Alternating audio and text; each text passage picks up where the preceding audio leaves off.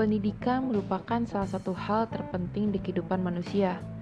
Tanpa pendidikan, manusia terjebak dalam ruang waktu yang gelap tanpa bisa menemukan cahaya yang dapat membantunya untuk mencapai suatu tujuan. Najwa Shihab pernah berkata, hanya pendidikan yang yang bisa menyelamatkan masa depan. Tanpa pendidikan, Indonesia tidak akan mungkin bisa bertahan. Halo guys, nama aku Dian Pusparyani seorang mahasiswi yang sedang menempuh pendidikan di salah satu universitas di Indonesia dengan jurusan ilmu pemerintahan. Sesuai dengan jurusanku, maka tema hari ini adalah pendidikan dengan topik APBD. Sebelumnya, kalian tahu gak sih APBD itu apa? APBD atau yang atau yang bisa disebut juga sebagai anggaran pendapatan belanja daerah adalah rencana keuangan yang disusun oleh pemerintah daerah untuk langkah waktu satu tahun pemerintahan. Nah, tujuannya apa sih uh, disusunnya APBD ini? Nah, tujuannya adalah untuk mengatur penerimaan dan pengeluaran daerah, membantu meningkatkan efisiensi dan kerataan penyediaan barang dan jasa publik, meningkatkan kejelasan dan pertanggungjawaban pemerintah daerah kepada DPRD dan masyarakat, memunculkan prioritas belanja pemerintahan daerah, serta mempermudah koordinasi antar bagian di pemerintahan daerah.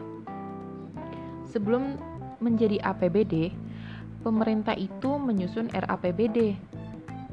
Iya, rancangan anggaran pendapatan belanja daerah RAPBD ini untuk diajukan kepada DPRD agar mendapat persetujuan dan dapat ditetapkan menjadi APBD.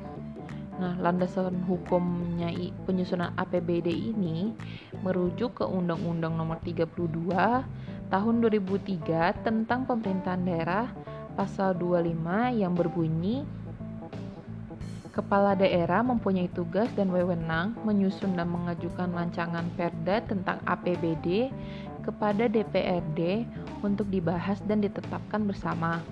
Nah, mekanismenya eh, RAPBD ini bagaimana sih? Nah, pertama disusun terlebih dahulu oleh pemerintahan daerah, yang kedua lalu diajukan kepada DPRD untuk mendapatkan persetujuan. Yang ketiga, jika DPRD menyetujui, maka dapat disahkan menjadi APBD. Yang terakhir, jika DPRD menolak, maka e, pemerintah daerah akan menggunakan APBD tahun sebelumnya. Nah, di dalam APBD ini ada beberapa banyak poin, tetapi aku hanya akan membahas beberapa saja, yaitu pendapatan asli daerah.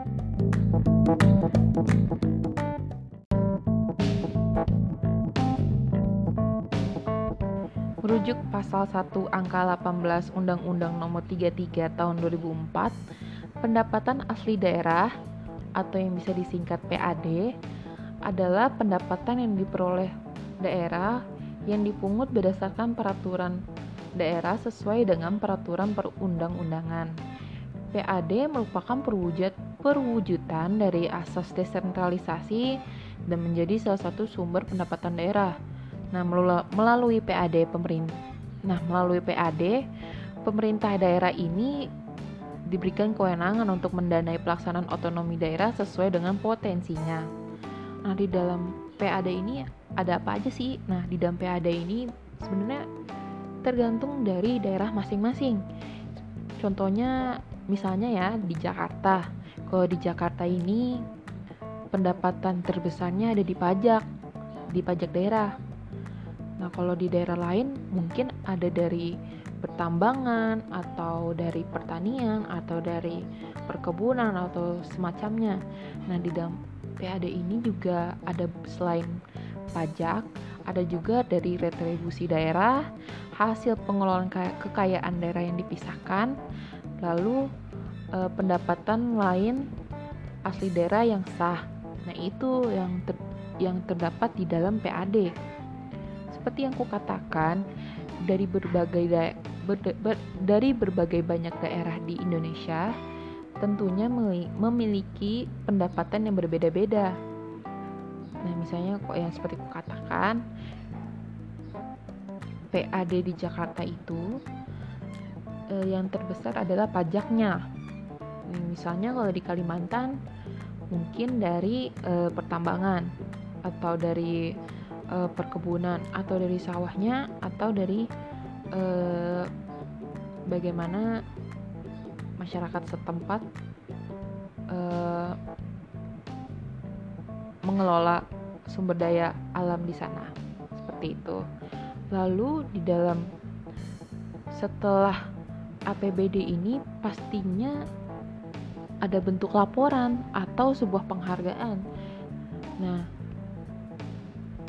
mungkin dari suatu daerah akan mendapatkan opini. Nah, maksudnya ini tuh opini apa sih? Nah, opininya itu adalah WTP atau wajar tanpa pengecualian.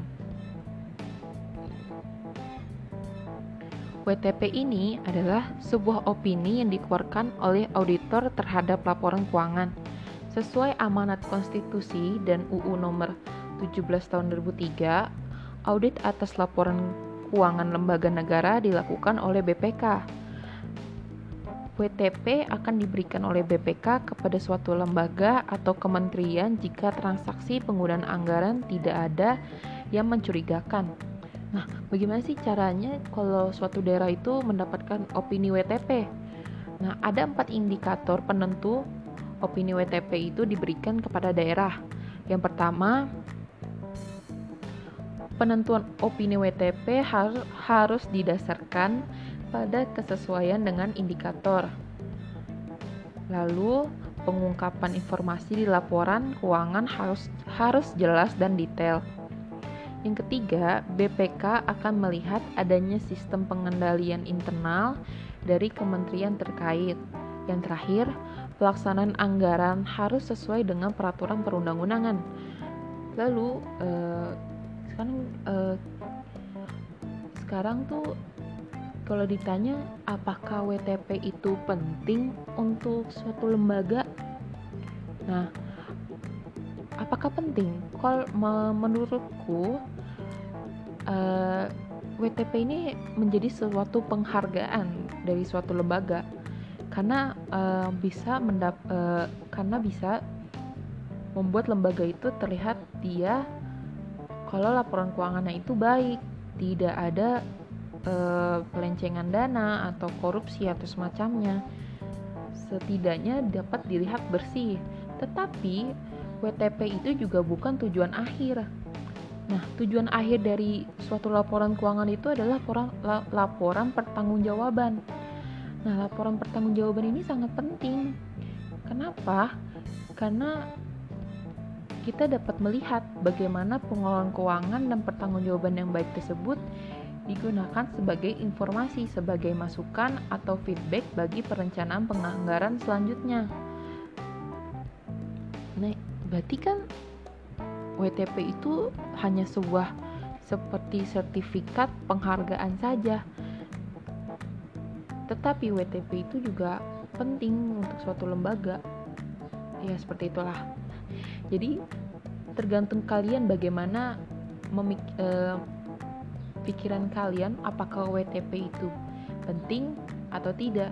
Tapi menurutku adalah 50-50 eh, bisa penting bisa tidak tergantung dari bagaimana lembaga itu menggunakannya ya seperti kita tahu di seperti kita tahu uh, semua laporan keuangan itu tidak tidak pasti 100% itu bersih pastinya juga ada suatu kegiatan yang belum terselesaikan seperti itu misalnya lalu